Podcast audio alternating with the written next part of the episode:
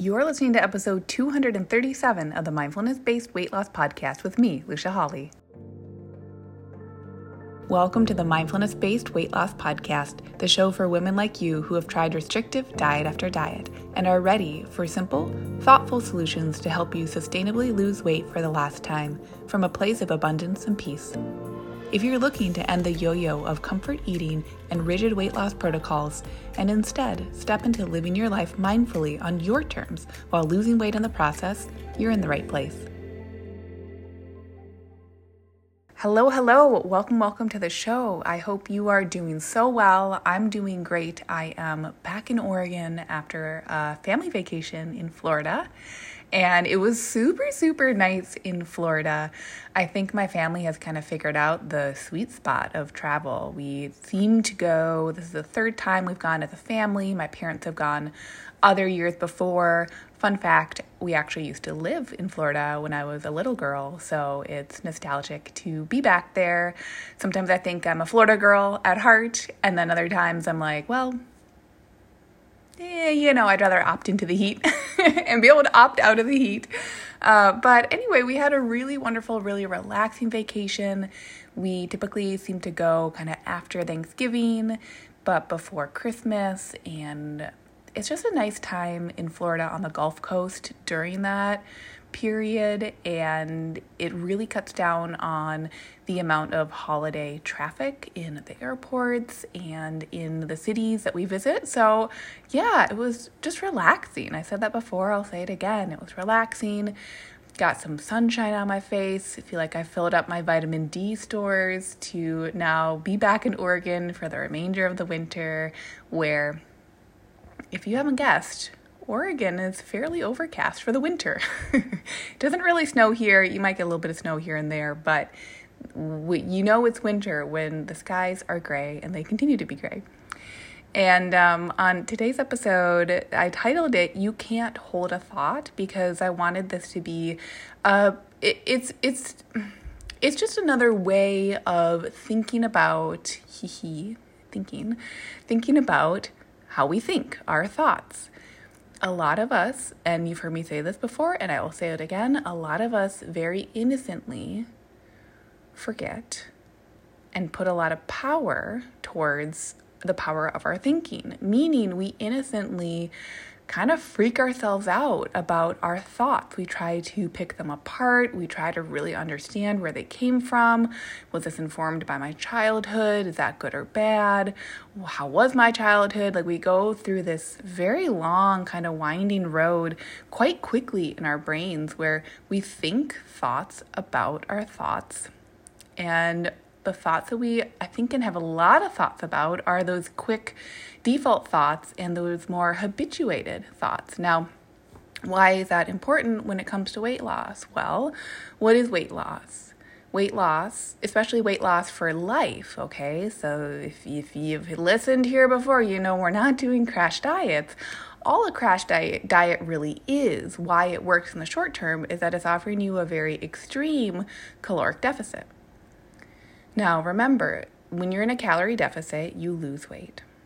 When you are in a calorie maintenance, which could be a combination of a smaller deficit combined with a um, a surplus, a caloric surplus. It doesn't. You, none of this stuff is rigid. So what happens one day has to be taken in context of your life and your lifestyle. So when we are generally maintaining our weight, we're generally eating within our maintenance range of calories. And that could include a deficit and it could also include a surplus. And it usually does. Why? Because our bodies ask for different things day to day, month to month. For a lot of us, I, my clients, I love it when my clients notice this after a few months of working together. A lot of my clients, not all of them, but a good handful, really start to notice ooh, when I'm tuning into my hunger and satisfaction, the week or a couple days leading up to my cycle, I feel better when I honor that I have more hunger. So they find, oh, for that week, if I eat to my hunger, in general, that's a, a higher amount of hunger than other days during the month. But it still works out because why? The law of thermodynamics. In general, if you're eating in a caloric deficit, which can include days of being not in a deficit, you're still going to come out with pounds coming off. You know what I mean? So, the reason that understanding and conceptualizing our relationship to our thoughts is important for a weight loss goal is that it's probably not surprising to you what I just said about calories.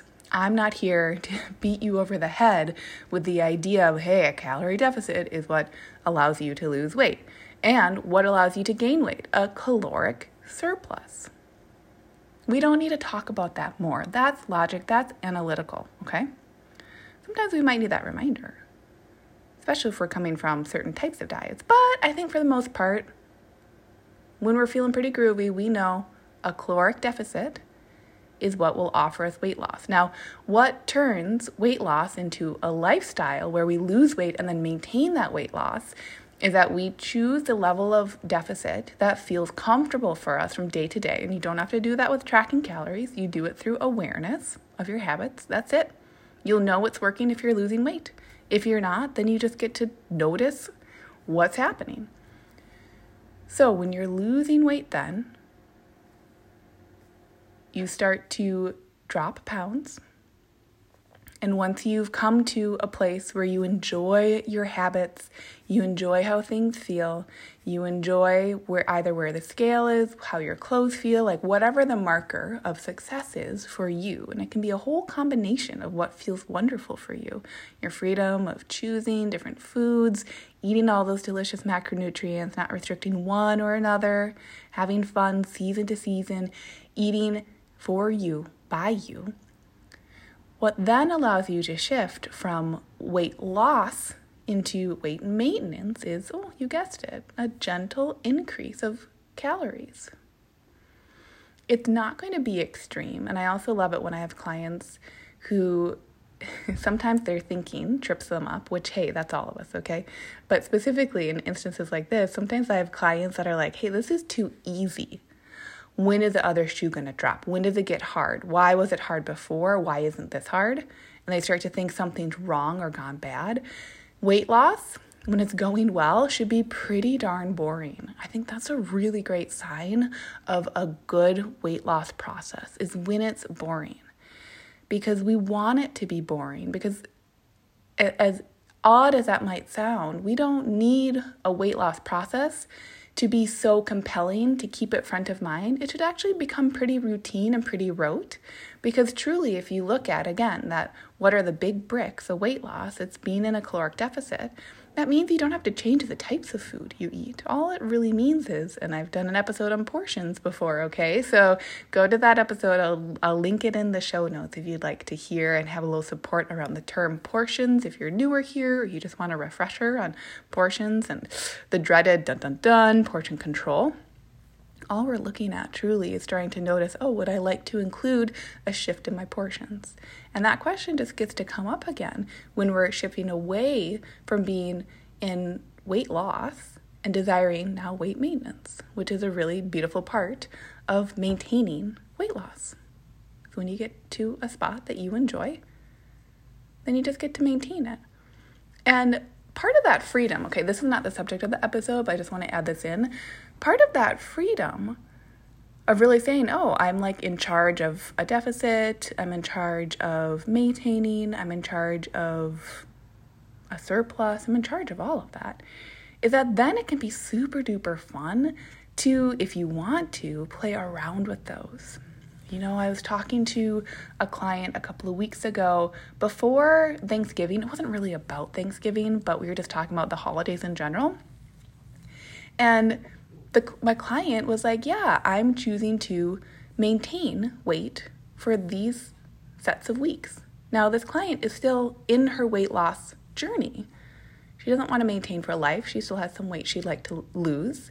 But it was so fun to hear her just naturally, from her own common sense, come to the conclusion of, yeah, what I desire for myself is eating more food that would bump me out of a deficit intentionally during the holidays because I find that fun.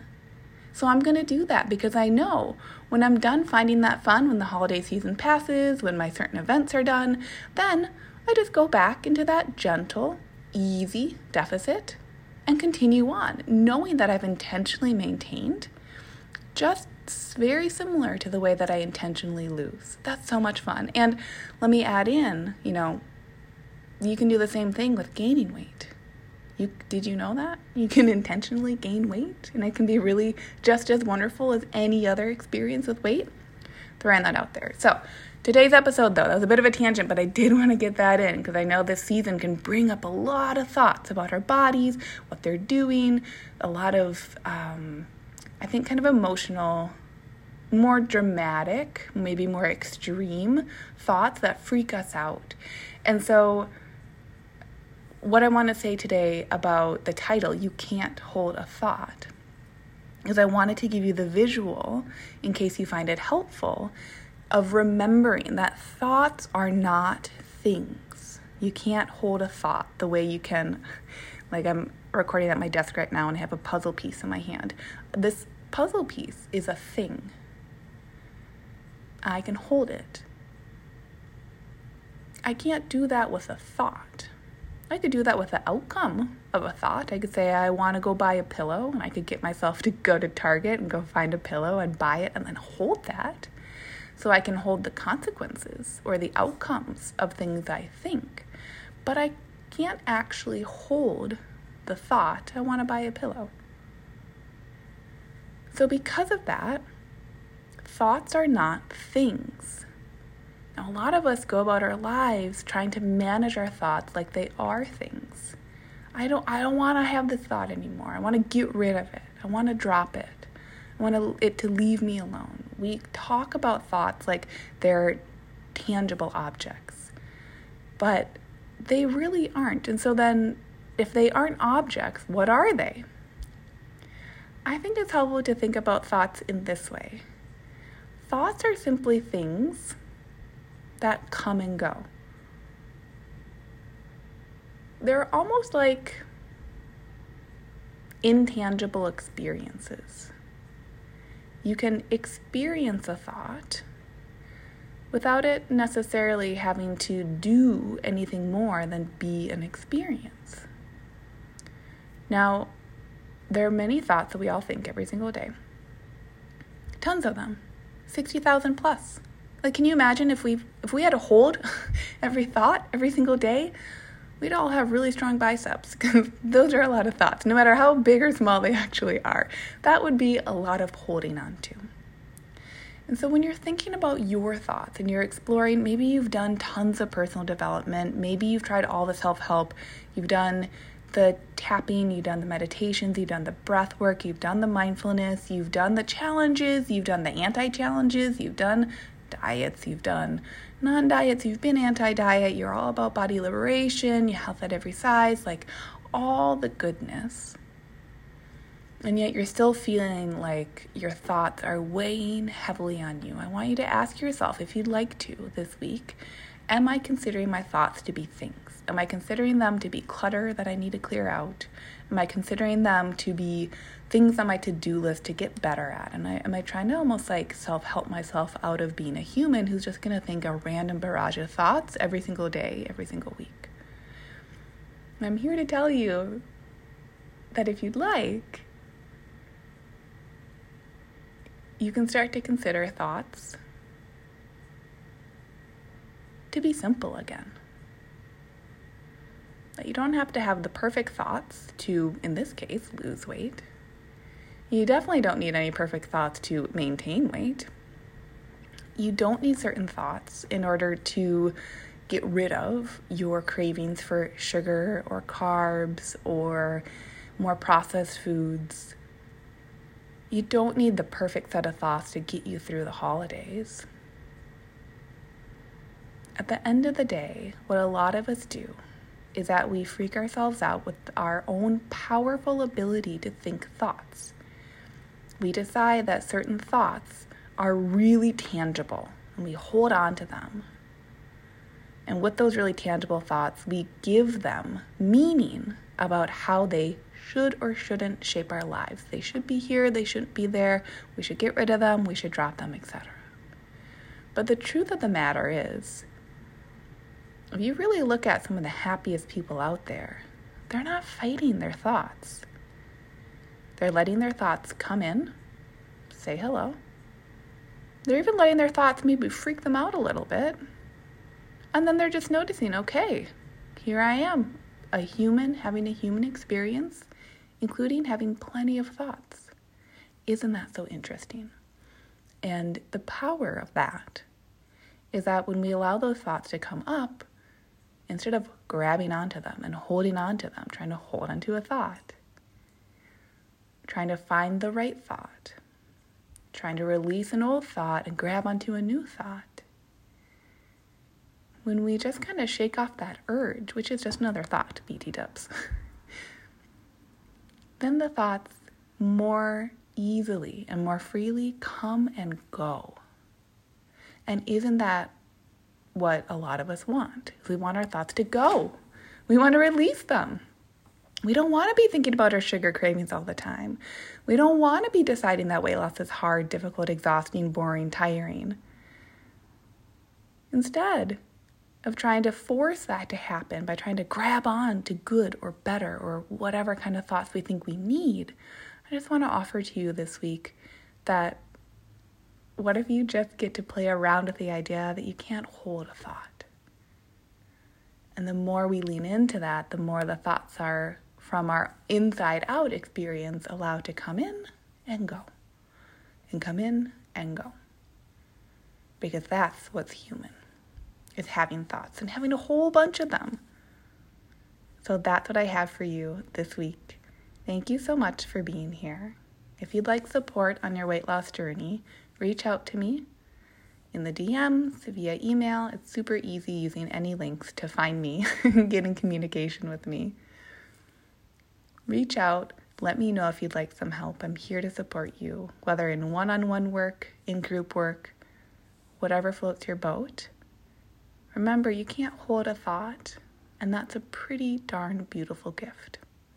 See you next week. Bye. Hey, if you love today's show, I'd love for you to take a minute and give a rating with a review. If you too are ready for more women to make life choices from loving mindfulness, that means we need more women listening to this message so they know it's available to them and they can do it too. And if you're ready yourself, come join Lean and Liberated, where we'll work together and you'll learn how to take this process to the next level in your weight loss goals, life desires, and beyond go to luciahawley.com. That's L U C I A H A W L E Y.com to connect.